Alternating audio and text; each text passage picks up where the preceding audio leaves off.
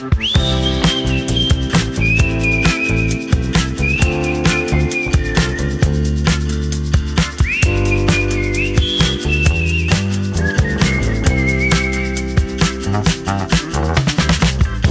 dia, Sílvia.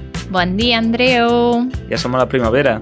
Sí, aquí ja ha començat a florir tot. Tenim els jonquillos, les tulipes, que ja comencen a florir. Espera un moment, què són els jonquillos? No sé si és molt català correcte, no? Ja, ja comences amb els silvianismes. Els jonquillos eh, són una, una flor d'ara de primavera, Uh -huh. que és un bulb, que no has de fer res, o sigui, tu el plantes i el, fa la flor i quan es penseix, doncs simplement has d'esperar un altre any i tornes a florir. I fa com unes campanetes, fa moltes campanetes juntes Uh -huh. i aquí a casa en tenim, per exemple, de blaus, de roses, de grocs, Ah, i no sé, potser és de, de tipus espècie com tulipa, no sé si és de la mateixa categoria o no. ah, carai, jonquillo. He posat jonquillo al Google i diu jonquillo en català. sí. No sé quin és el, el nom, però, però estic veient les Però- flors. És semblant, o sigui, potser és també de, com narcís, no ho sé. Mm. Narcisos també floreixen ara, vull dir. Mm -hmm. Pot ser. Bé, en realitat ja fa uns dies que vam entrar a la primavera. Celebrem que arribi el bon temps i celebrem una altra cosa, que és que hem arribat o hem sobrepassat la xifra de 100.000 descàrregues del podcast. Impressionant. 100.000, es diu aviat, eh? És que eh, em sembla al·lucinant. És molt heavy. Jo flipo. Res, o sigui, estem bocabadats, esmaperduts, um, sense paraules, així que moltes gràcies a tots els que heu fet aquestes descàrregues, als que ens escolteu cada setmana, i res, esperem que ho continueu fent. Nosaltres intentarem donar el millor de nosaltres en cada episodi, perquè, per, per això, perquè pugueu continuar aprenent el català. I parlant d'això, de l'aprenentatge del català, avui també mostrarem un àudio, com és costum, en aquest podcast d'una persona que ens l'ha enviat a través d'Instagram.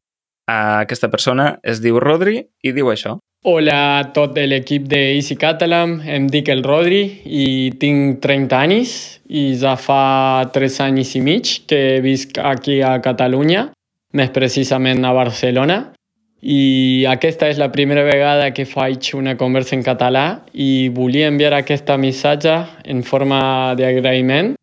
Primer perquè he après moltíssim el català escoltant el seu podcast i segon perquè considero que és necessari per tota la gent que no hem nascut aquí el poder entendre una mica més els seus costums, la seva cultura, la seva història.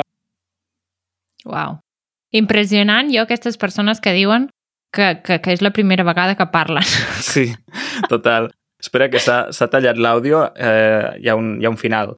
la seva història i, i el perquè de moltes coses. I tercer, perquè he fet molt bons amics aquí. Així que res més, una abraçada per tots i bon any. Bon any, diu, perquè ens el va enviar fa Ah, uns bon mesos. any. Sí, bon any. Bon Ah, any. bon any. Ara ho entenc. Clar, bé, a veure, és Clar. que diu que és la seva primera conversa, o sigui, la primera vegada eh? que parla en català. Clar. Potser podem fer un apunt, no? Podem Sí. aprofitar-ho, i és que, clar, Sí. en català escrivim N-Y per al so ñ, nyo. del que en castellà és la ñ. No s'ha de pronunciar com a i. No és bon ani, sinó bon any. O Mm. sigui, com si fos anyo, però sense la O. Exacte, és el mateix so que en castellà, és el ny, de nyanyo. Sí, Sí. exacte. Però quan ha dit Catalunya, per exemple, ho ha dit amb la enya, Sí, vull dir... correcte. Mm. Però impressionant que sigui la primera vegada que parli en català i ho faci d'aquesta manera, vull dir. Molt bé, enhorabona. Sí, sí, enhorabona, Rodri. Moltes gràcies per enviar-nos el missatge. Repetim que si ho voleu fer vosaltres també, doncs ho podeu fer a través de Instagram, Telegram o a través del web mateix del podcast, easycatalan.fm. Allà veureu que hi ha un botó i pitjant aquest botó podeu enviar un àudio de la durada que vulgueu, perquè a Instagram heu de saber això, que es, es limita a 60 segons. D'acord, dit això, aprofito per recordar que en aquest podcast fem un bonus al final de cada episodi per als membres de la subscripció de podcast. Aquest bonus sol ser d'uns 5-6 minuts i solem explicar doncs, alguna anècdota relacionada o alguna cosa potser més privada o més divertida, o sí, sobre el tema del dia. Avui el tema del dia el direm d'aquí una estona, però farem un bonus sobre els usos de la G i la J, o el so de la G i la J. D'acord? Aquells que tingueu curiositat sobre aquest tema, sabeu que podeu accedir a tots els bonus a través de l'enllaç easycatalan.org barra membership i ara hem de donar una altra informació de servei molt important, oi que sí? Molt, molt important, que segurament els que ens seguiu no només aquí en el podcast, sinó també en les xarxes socials o a través de la comunitat, haureu vist ja que fa unes dues setmanes que vam publicar un anunci mega important. Mm -hmm. I és que farem un campus d'estiu. Correcte, això ja ho vam anunciar a principis d'any, però potser ara podem avançar alguna informació més, no? Quan serà exactament el campus? El campus serà del 24 al 30 de juliol. Això significa la última setmana del mes de juliol. D'acord. I la gent ja s'hi pot inscriure? Sí.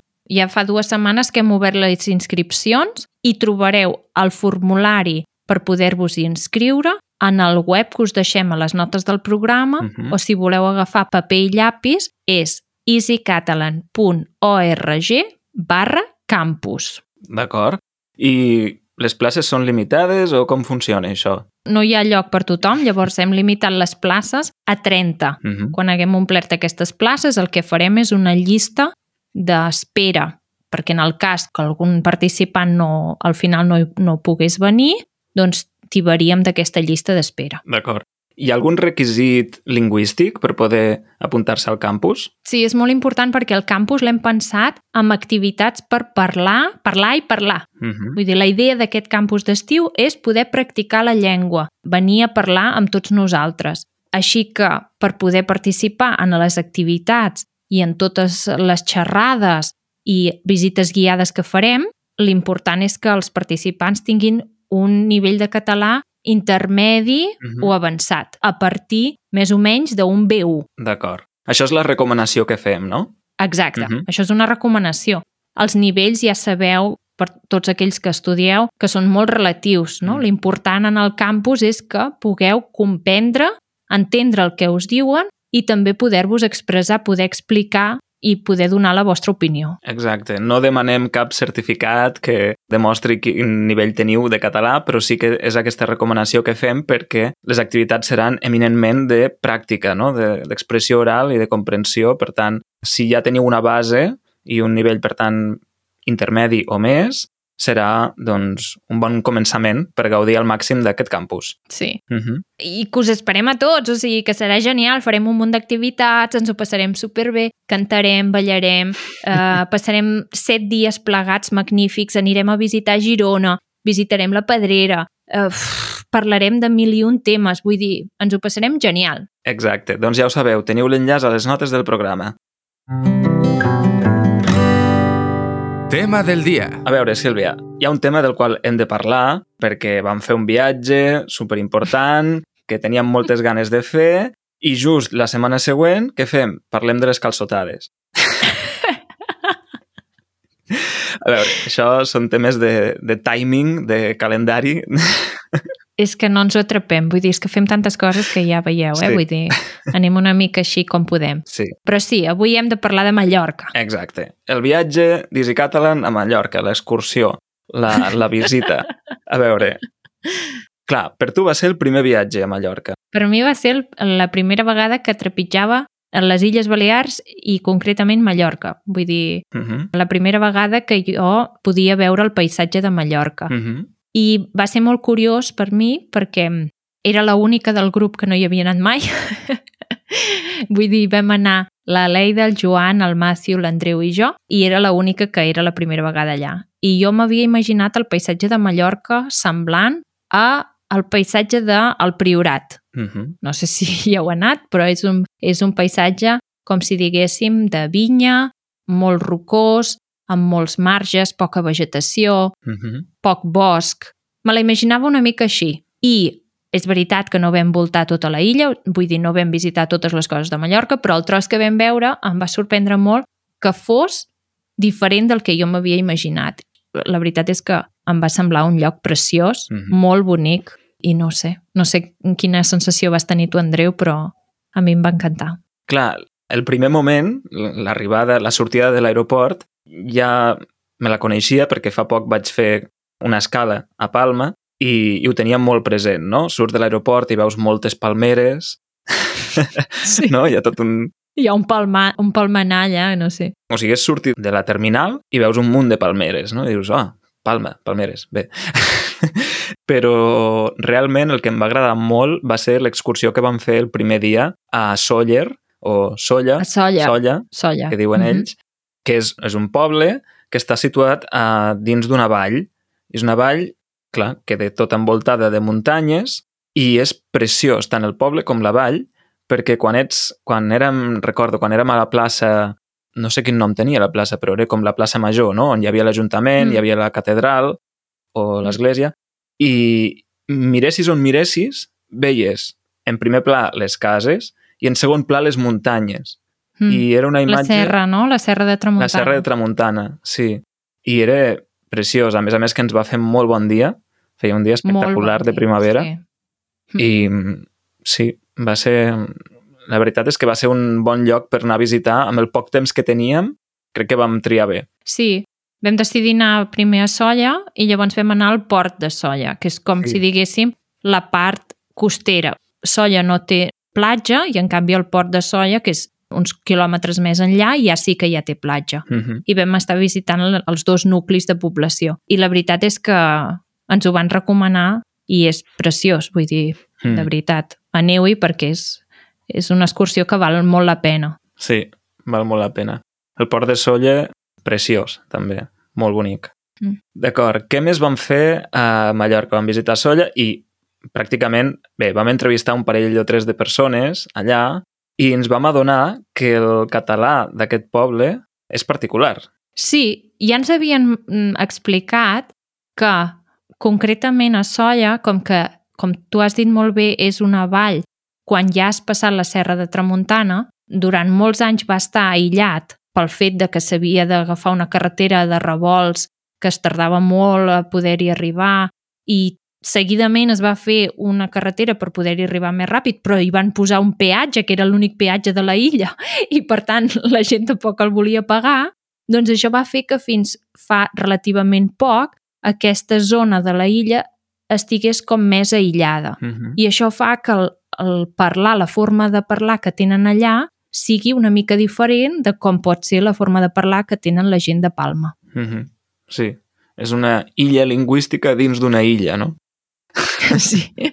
Sí, sí, i, i és veritat, ho vam comprovar perquè vam entrevistar tres persones, dues de les quals eren, eren gent gran i realment, és a dir, al final és, és català i, i eh, vam tenir una conversa fluida, però sí que és veritat que hi havia paraules, hi havia expressions que, que no coneixíem i recordo el cas concret d'una senyora que anava dient, m'entens, m'entens? I jo en alguna, més d'una vegada pensava, no del tot, però ho intento. Sí, sí, bé, suposo que amb una mica de pràctica al final ho acabes, Sí, oi entenent tot. tant, oi tant. Però, però és veritat que aquesta diferència d'accent, no? un accent més tancat, sí que el vam notar Mm. a Solla. Mm. Sí. Mm. Però és que a mi em fascinen Mhm. aquestes diferències, digue-li diferències o digue-li riquesa lingüística, Sí. però és que em fascina, em fascina, de veritat, m'encanta. O sigui, aquests tres dies que vam passar allà i vam descobrir, jo vaig descobrir encara més paraules que no sabia Mm. que et diuen allà i que nosaltres no diem i tot, m'encanta. Sí. Mm, Sovint ho comentem, no? I, I és un tema recurrent entre catalans del Principat que, que ens agrada molt com sona el mallorquí, el trobem, sí, el trobem bonic, no? Mm. Perquè es, sembla que tingui menys, o veritablement és així, que té menys influència del castellà, no? Mm. Té trets, té alguns trets lingüístics que s'han mantingut, suposo que pel fet aquest d'aïllament geogràfic, doncs que han mantingut alguns trets que aquí a Catalunya s'han anat dissolent una mica, no? Per la influència del Mm. castellà. Bé, doncs segurament ho heu pogut veure vosaltres mateixos si heu vist el vídeo d'aquesta setmana, el que vam publicar dimarts, en què preguntàvem a la gent per paraules típiques de l'illa o els demanàvem que ens definissin algunes paraules que nosaltres doncs, coneixem o, o sabem que són típiques del català balear, no? Hm. I va ser molt bo quan fèiem aquestes entrevistes Mm -hmm. perquè tu li preguntaves a algú què és, i una de les paraules que teníem a la llista, no? Mhm. Què és el brossat? O què és els calçons? Mm -hmm. I et responien amb una altra paraula, no? Et feien l'explicació amb una altra paraula que, Sí, que també era típica d'allà, que és molt lògic que es faci això, no? clar. I era com, d'acord, i ara em pots explicar què és no sé què? Sí, sí, clar, però és que és, té tota la lògica del món, és que no podem esperar que ens defineixin una paraula en un dialecte que no és el seu, Clar. no? Sí, sí, sí, totalment. Mm. Vull dir, és que, però és que a mi m'encanta això. Sí, sí, sí. És que recordo, per exemple, quan li vaig preguntar, em sembla que va ser a, a un senyor que és professor de català, i li vaig preguntar, què vol dir el lot? I em va dir, el lot? I de, és un nin, Clar. no? És un nin, clar. Sí, sí, totalment, totalment, clar. Sí, sí. Bé, doncs mira, al final va servir per, per trobar més sinònims, no? Sí. I bé, parlant de paraules, ja que hi som, una paraula que ja coneixíem i que potser és la més coneguda de, del dialecte balear és idò. Idò, sisplau, exportem-la ja. És que l'he- l'hem d'importar, ens l'hem de fer nostra, sí, sí, és, és, és tan útil, és tan versàtil, no sé, I pot ser la correcció del bueno que estem dient tot el dia nosaltres, o Clar. el pues, no? sí, perquè a vegades el doncs pot sonar, hi ha gent a qui li sona forçat dir-lo, Mm. no? Jo recordo que en el meu cas jo deia molt pues abans, temps enrere. Mm. I llavors vaig fer com un treball de conscienciació, no? I per deixar de dir bueno, ai, sí, bueno i pues, per dir bé i doncs. I ara ja el tinc molt naturalitzat i no em sona malament. Però tot i així, hi ha gent que ho diu, que el doncs, segons com, pot sonar forçat. Però idò, idò és més breu i quan sents la naturalitat amb què el diuen, que el diuen a gairebé cada frase, els balears, Mm. penses, és que és això, o sigui, l'hem d'importar. Els balears o els mallorquins. No, però mm, menorquins també. Sí? Tu creus? Sí, sí, sí. D'acord. Sí, perquè tinc una amiga de Menorca i sempre ha dit idò. Mm. Sí, sí, sí. D'acord. Sí, doncs això. Una paraula perfecta, perfecta per, per poder-la fer servir al dia a dia. Sí. No l'hem definit en cap moment, per qui no ho hagi acabat d'entendre, idò és la manera que tenen allà de dir, és a dir, prové de i doncs, i doncs. No? I és una versió més curta, idò. Mm. I és un mot cross, eh? és una paraula d'aquelles que les poses en qualsevol lloc Mm. quan... idò, quan, quan no saps què dir, o... Quan vols començar una frase, quan necessites una mica de temps per rumiar, no? per pensar a Mhm. veure què vols dir. Mm -hmm. Idò, sí. O per donar raó, per confirmar... És, té molts usos. D'acord. Alguna paraula més que, que recordis especialment? Sí, A veure. un pic, dos pics, tres pics. Mm -hmm. Una vegada, dos vegades, tres vegades. D'acord. A mi em va agradar també amem, o mem, que vol dir aviam, a veure. Mm. Madonna, Mm -hmm. molt interessant. Això em va flipar. O sigui, per, Mm. per dir eh, la meva dona, no? Mhm. Madonna. Sí, I tot junt, eh? Vull dir, no, la Madonna, o sigui, com, com les Madones de- d'Itàlia o la Madonna, la, la, la, la cantant. mm. sí, sí. O el que em va semblar super interessant va ser la diferenciació en l'ús de l'article salat i Això l'article literari. em va patar el cap. Em va Em va patar el cap. encantar. Però és que, de veritat, eh? Vull dir... que, bé, suposo que en el, si heu vist el vídeo, doncs allà queda explicat, però és que, per exemple, en paraules que són homònimes, doncs s'utilitza un article o l'altre per dir un significat o l'altre, no? Per exemple, Mà i mà. Sí. O sigui, la mà dels cinc dits o el mar, no? La mar. sí, Però ells no diuen la R i llavors és mà. uh -huh, Doncs un és la mà i l'altre és sa mà. uh -huh, exacte. O sigui, la mà de la part del cos és sa mà, però el mar és la mà. Representa que totes les coses que siguin més importants es faran servir amb aquest article literari. Sí, i no diuen s'infern i el cel, sinó l'infern i el cel. Curiós, eh? Molt curiós. O també les hores no diuen ses dues, no? o ses tres, sinó les dues i les tres. Diu que mai farien servir l'article salat amb les hores. Uau, però és que ens va posar... Això ho- no ho hem explicat, però va venir el Joan, Mm. que és un, un creador de contingut, que té un compte a Instagram que es diu Parlars Mallorquins, i va venir a, a la trobada que vam fer a Palma i llavors vam estar tot el matí junts i vam anar a dinar junts també i ens va estar explicant això i va ser tan interessant, és que li vaig dir, Joan, jo és que em passaria aquí una setmana parlant amb tu Total, sí, sí. de totes les curiositats i coses que tu has après i t'has adonat que hi ha aquí a Mallorca. Mm, Interessantíssim. molt interessant. Bé, en fi, i també aquí podríem estar fent un episodi o dos episodis sobre paraules que vam descobrir o que ens van explicar allà a Palma, però no tindríem temps. Vam fer més coses a Mallorca, per exemple, bé, el motiu principal del viatge és que vam anar a fer uns tallers a la Universitat de les Illes. Sí. Em van encantar. Vaig sortir molt contenta d'aquests tallers Sí. que vam fer, Andreu. Sí, van anar molt bé. Els vam fer tu i jo. I què van fer en aquests tallers?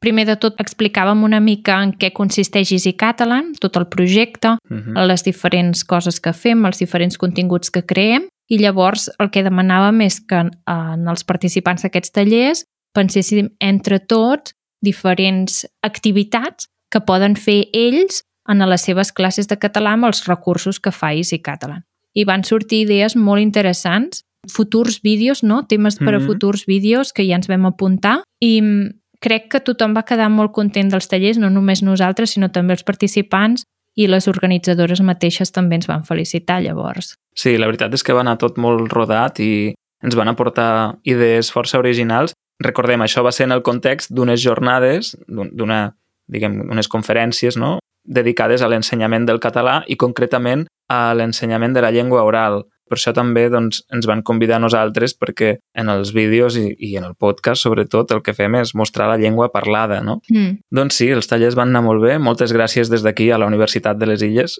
per convidar-nos. Ho podeu fer sempre que vulgueu. Oh, tant, tornarem sempre que ens ho digueu. Sí. I després la segona activitat que vam anar a fer és gravar vídeos. Un ja l'heu vist aquesta setmana, l'altre sortirà més endavant. En aquest altre vídeo preguntàvem a la gent de Mallorca quina relació tenia amb els alemanys de l'illa. I és que nosaltres mateixos vam poder constatar que l'alemany i els alemanys són molt presents en aquesta illa. Molt, molt, molt, molt, molt, molt.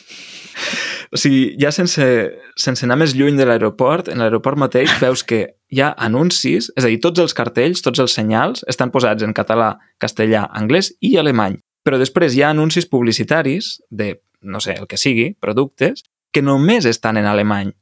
Vull dir, tenen tan clar quin és el públic principal d'aquell aeroport que ja directament ho posen en alemany, saps? Això em va cridar l'atenció. És que és... Heu de veure el següent vídeo. No avancem res més.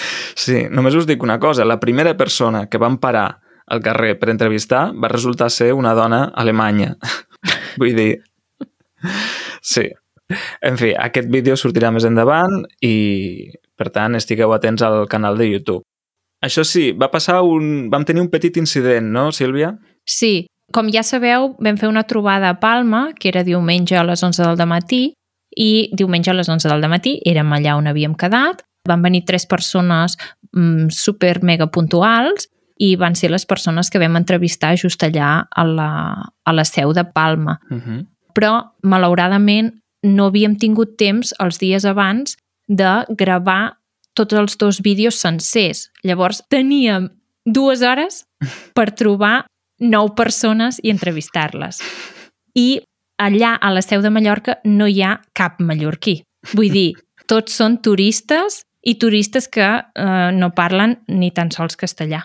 Llavors, el que vam haver de fer va ser marxar corrents d'aquella zona i anar a entrevistar, buscar mallorquins, anar a entrevistar gent per als carrers de Palma que eren, mm, no eren tan turístics. Això va provocar que les persones que van arribar una mica més tard de l'hora que havíem dit, perquè crec que vam marxar d'allà, potser ja eren tres quarts de dotze o així, Uh -huh. la gent que va arribar a partir d'aquella hora, vull dir a les 12, dos quarts d'una, etc, ja no hi érem i per Mhm. tant no ens vam trobar. Així que em sap greu, de veritat, que no ens poguéssim trobar, però logísticament era impossible que ens quedéssim allà en aquell lloc si volíem gravar els dos vídeos. Sí. Va ser una confluència de factors que ens van obligar a canviar de lloc perquè no només era que la ubicació no era la més idònia, per això que has dit, no? que no hi havia mallorquins, sinó que eh, la majoria eren turistes, però és que, a més a més, hi havia la cursa del Corte Inglés, que és, és un esdeveniment on hi ha bé, hi van molta gent, hi ha un escenari amb música, amb, saps, amb molt de soroll, i tot Sí. això va convertir aquell lloc en potser el pitjor que hi havia aquell dia a Palma per gravar. per tant, això ens sap molt greu, però ens vam veure obligats a canviar de lloc després d'una hora de d'estar allà, no? I, i d'estar entrevistant i veure que no, que no era una bona ubicació.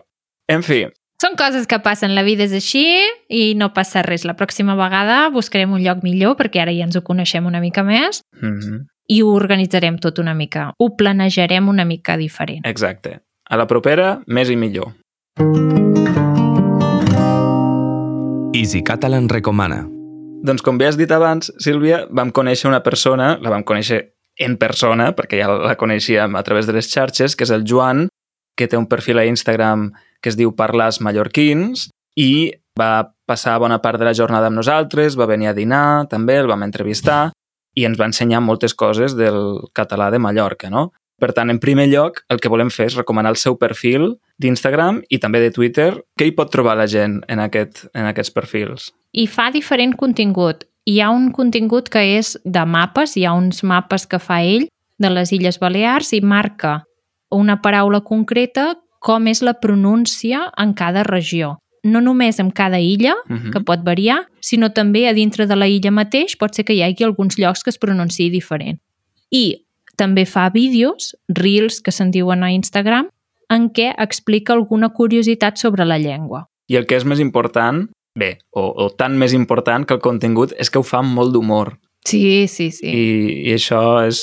Bé, L'heu de seguir, és genial. sí, és, està molt bé. Parlàs mallorquins. Us deixem l'enllaç a les notes. I jo vull fer una altra recomanació, en aquest cas un podcast que va rebre el premi a millor podcast en català de narrativa de no ficció. I és un podcast que també està gravat en dialecte balear perquè l'autor, o, o, o el presentador, diguem-ne, és provinent de Mallorca i aquest podcast es diu Mòbil Cartera Claus. No sé si el coneixes, Sílvia. No, No? d'acord. No, no, Mòbil Cartera Claus. És un podcast molt curt, em sembla que són 12 episodis, o potser no hi arriba. Es va publicar un episodi al mes durant un any i és un experiment. En aquest experiment, el Mars Llinàs, que és, és l'autor, el presentador, mostra amb la seva veu el seu trànsit. És una persona trans i és molt interessant perquè al llarg del podcast vas sentint com li canvia la veu. Ah, Sí, és molt interessant perquè no només t'explica, és, és molt filosòfic el podcast, a més a més barreja pensaments que té al llarg d'aquest trànsit, no? pensaments entorn de, del gènere, bé, de la societat, dels prejudicis, tot això, i per tant doncs, vas veient les seves reflexions al llarg d'aquest trànsit, però també el trànsit mateix a través de la veu. I és super interessant. uau. Està molt ben fet. Mòbil, cartera claus. I a més a més, hi podreu sentir doncs, l'accent balear. I crec que amb això acabem l'episodi d'avui. Moltes gràcies als que heu arribat fins aquí, als que ens escolteu cada setmana. Si voleu fer-vos membres i donar-nos suport perquè continuem fent aquest contingut, recordem que l'enllaç és easycatalan.org barra membership. Amb això també tindreu accés a les xerrades que fem a Discord i també hem d'agrair al Departament d'Empresa i Treball de la Generalitat que també ens dona suport. Moltes gràcies a tothom. Moltes gràcies a tothom. I recordem que ara, en el bonus, parlarem del so j. Ageu. Ageu. Adéu. Vinga, que vagi bé. Adéu. Adéu, adéu.